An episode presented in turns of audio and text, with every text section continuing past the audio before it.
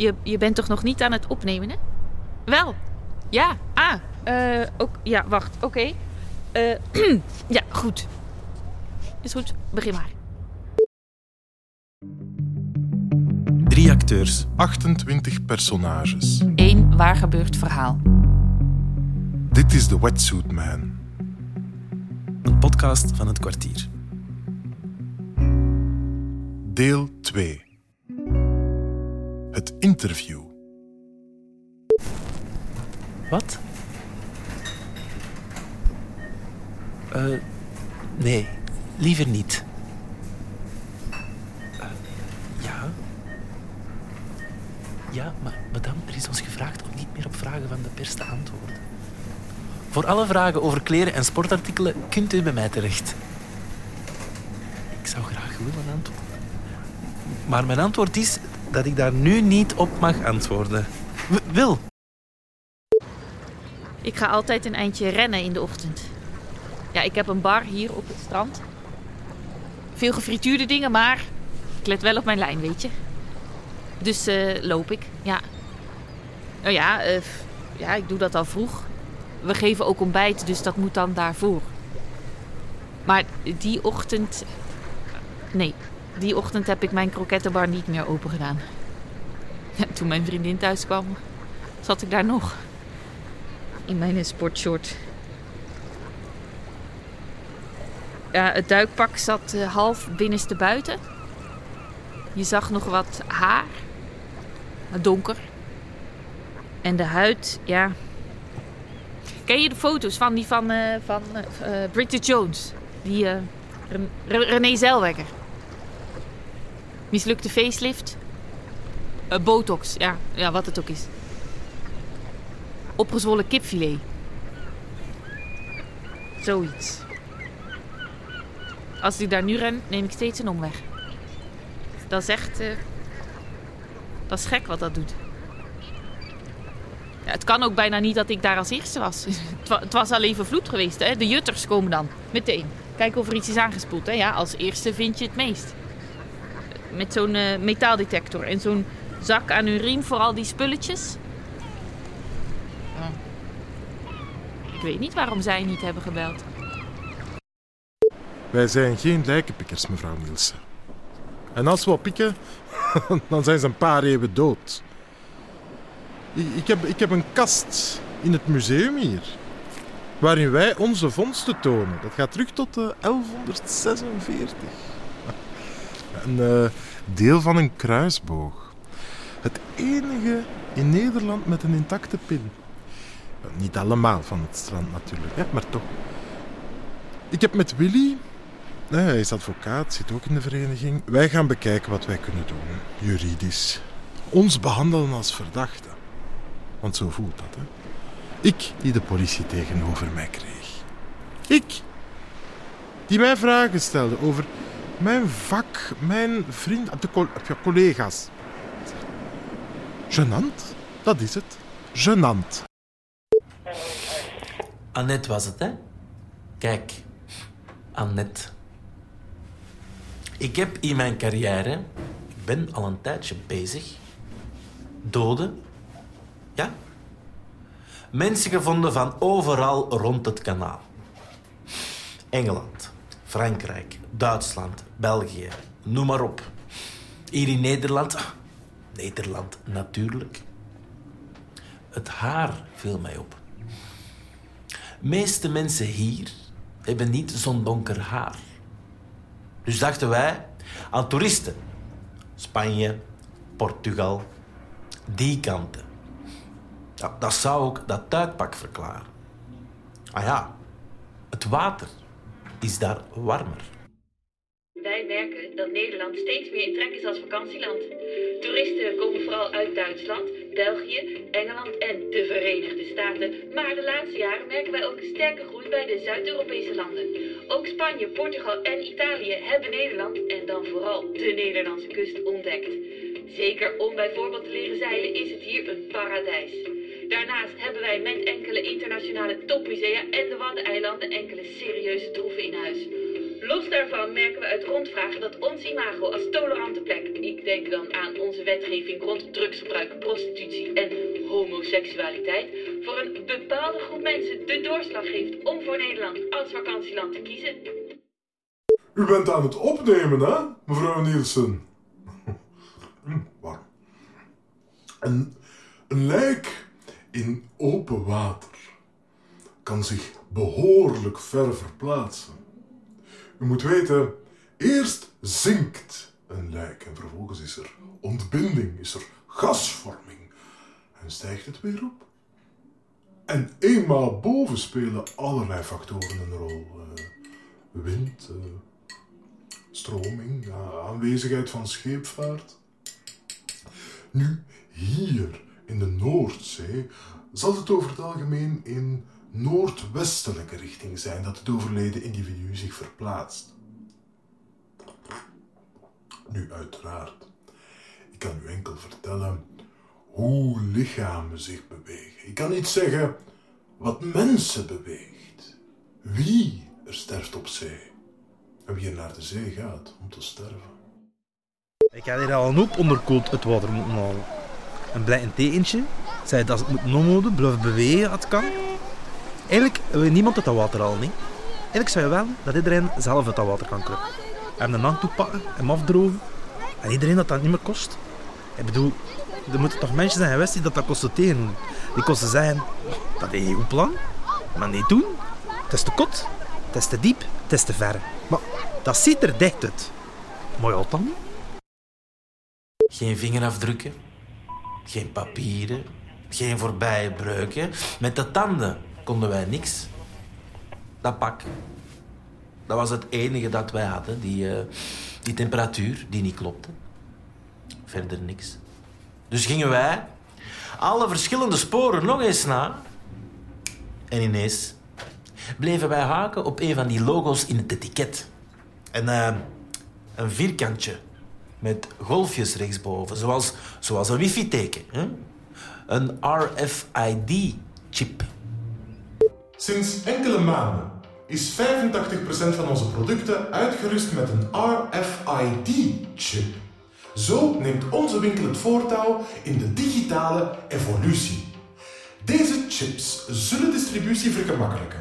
Met een douchescan kan het hele magazijn in enkele minuten geïnventariseerd worden. In tegenstelling tot de huidige antidiefstalbeveiliging hoeven de RFID-chips niet verwijderd te worden, waardoor de klanten sneller geholpen kunnen worden aan de kassa. Ja, de activatie is niet nodig. Vanaf dat het systeem uw item als verkocht heeft geregistreerd, kan u er probleemloos mee naar buiten. De chip bevat eh, zelf geen elektriciteit of batterij, waardoor het ook, een vraag die we vaak krijgen, in de was geen probleem geeft. Hè. Wees gerust. In- inderdaad, maar wij geloven niet dat hiermee de privacy van onze klanten in het gedrang komt. Je maakt mij onherkenbaar, oké? Ehm, geen gezicht in beeld, mijn stem vervormd. Oké? Ja, maar ik ken die shit. Oké. Actie. Toen de politie daarmee naar mij kwam, wifi noemde die agent dat toen, toen wist ik dat ik dat kon kraken. Die chips, die zitten tegenwoordig overal. Zelfs in dat pak, in het etiket. Toen ik dat zag, wist ik dat ik kon lezen waar en wanneer het pak was gekocht, eh, wat het serienummer was en, even better, als er een creditcardnummer op het bonnetje stond, wie het had gekocht.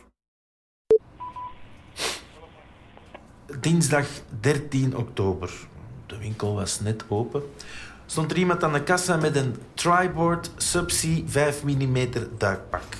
Maat medium. Hij kocht ook nog handpedals, snorkel, duikmasker, zwemvliezen, watersokken en een waterdichte A4-map. Cash betaald, zonder beelden, zonder getuigen, in een decathlon. In Calais. Eh, ik heb liever niet dat u mijn personeel vragen stelt. Nee. beveiligingsbeelden zijn er niet meer.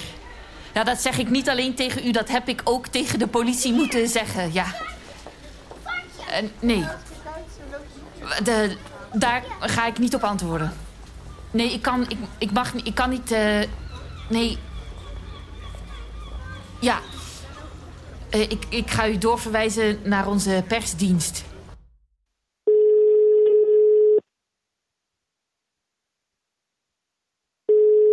Wij zien de noodzaak niet de naam van onze winkel, noch van het testbetreffende merk te vermelden. Als de klanten dit soort mensen gaat associëren met onze producten of met hun winkelervaring, dan heeft dat nu eenmaal een impact op onze verkoopcijfers. Wij hebben de politie naar ons beste vermogen geholpen. Aan u zijn we dat niet verplicht. De zaak is toch opgelost? Ja, jawel. De politie is gestopt, dus is de zaak opgelost. Het vreemde was, Annetteke, dat alles twee keer op het bonnetje stond. Ah, een van die pakken wist ik liggen. Dat lag hier bij ons in het depot. Maar net toen het voelde, alsof wij alles gingen oplossen, kregen wij ernaast een vermist persoon ook nog eens een vermist uitpak bij. En dan kwam die oproep uit Noorwegen. Wij sturen het andere serienummer van op het bonnetje. Bingo. Gooiden onze gegevens samen. Het ontbreken van een DNA-match. Zowel in Noorwegen als bij ons. En dan die eh, decathlon in Calais. Hè, vlakbij de jungle, dat kam daar. Ha, deed ons denken aan. Vluchtelingen. Dat er daar misschien iets was. Maar ja, we zijn gaan niet praten met de politie. Hè? En eh, hoe kan je vermist zijn als je er officieel niet bent? Kijk, Annette. Off the record. Niemand wil iets te maken hebben met illegale.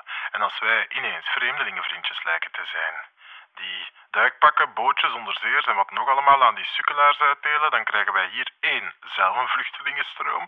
Twee, dan komt er niemand anders meer.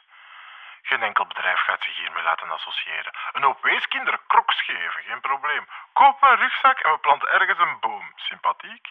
Cola uitdelen in Afrika. Werkt allemaal. Maar je gaat ook geen promo-stunt doen in een gevangenis. Vluchtelingen zijn niet sexy.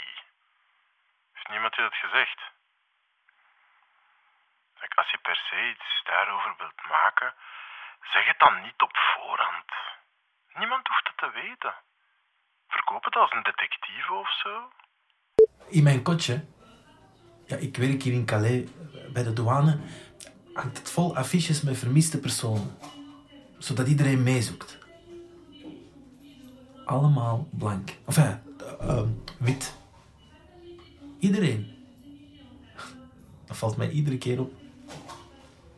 Zit hier met een paar duizend man vluchtelingen waar een hoop mensen van verdwijnen. Veel, veel verdwenen kinderen. Dat, dat is echt een probleem. En dan zijn uw affiches helemaal wit. Enfin, uh, blank. Maar goed. Geen aangifte. Hè, zeggen de collega's van met de politie. Ze hebben vast gelijk. Wie zou die aangifte ook doen? En die mensen zien verdwijnen daar als goed nieuws misschien. Dat, dat, het gelukt is. Dat je naar Engeland bent. Je moet weten, wij hebben hier soms problemen met, die, uh, met dat volk. Dat komt binnen, dat kan niet betalen, dat neemt dingen mee, pas op. Op den duur. Je zou van minder racist worden. Maar sinds dat ze weten dat wij hier de politie bellen en gestolen is gepakt en gepakt is het land uit. Sindsdien is het hier rustiger, ja. Sommigen zitten hier gewoon omdat het hier wat warmer is, denk ik. Op zich geen probleem mee, maar we merken dat er minder ander volk binnen durft te komen, echt. Sinds dat vreemd volk hier rondhangt, dat is triestig, wat wij nog maar verkopen. Ja, de vaste klanten blijven meestal komen. Het zijn de toeristen die wegblijven, maar daar zit het geld. En zelfs de kinderen, want zeg niet dat het in onze kop zit... zelfs de kinderen die vragen geen snoep meer als ze die mannen hier zien zitten. Die kruipen dicht tegen een been aan, die zijn snel buiten, hè. Soms nog sneller dan dat been. Dat is psychologie, hè? De klanten zien die mannen, ze voelen of hun portefeuille er nog zit. Dat is niet slecht bedoeld. Dat is gewoon zo. Ze kopen niks. Ik moet op mijn geld letten. Dat zit in hun hoofd. Dat is die psychologie. Zorg dat je geen geld kwijt bent. We hadden dat even goed in het groot boven onze winkel kunnen hangen. Het zou hetzelfde effect hebben gehad als die mannen. Nou, allemaal om maar te zeggen dat ik het mij wel herinner... dat er hier ineens twee van die mannen voor zo'n 260 euro spullen kwamen kopen. Kopen, hè? Cash. Van waar dat dan komt, dan moet je niet vragen. Nee, je haalt dat eh, door het machientje. Je checkt of het echt is. Je zegt bedankt. Merci. Merci, dat kennen ze. Ze vertrekken. Au revoir. Nee. Dat kennen ze niet.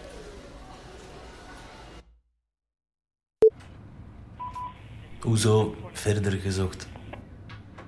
Zaak was rond. Hm? Het was een vluchteling. Zo kunnen blijven zoeken. Hè? Als wij iedere dode vluchteling moeten gaan onderzoeken, dan zijn wij met niks anders meer bezig. Niemand heeft daar papier. Hm? Niemand wil met ons praten. En de situatie is toch duidelijk? Mevrouw Nielsen, Zoek maar eens een vluchteling. Tussen 7000 man.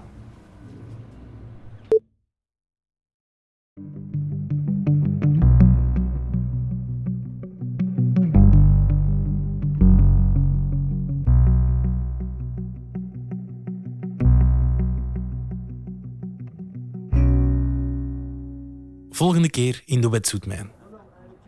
Annette trekt een foto. No camera. Annette schrikt, steekt de camera weg. No camera, roept ze met haar handen in de lucht. No camera. Ze roepen een paar keer no camera, heen en Ik weer. loop door. Hink weg. Nu geen politie. Nee, geen politie. Niet ook nog. Niet nu. Maar ze is journalist. Ik stop.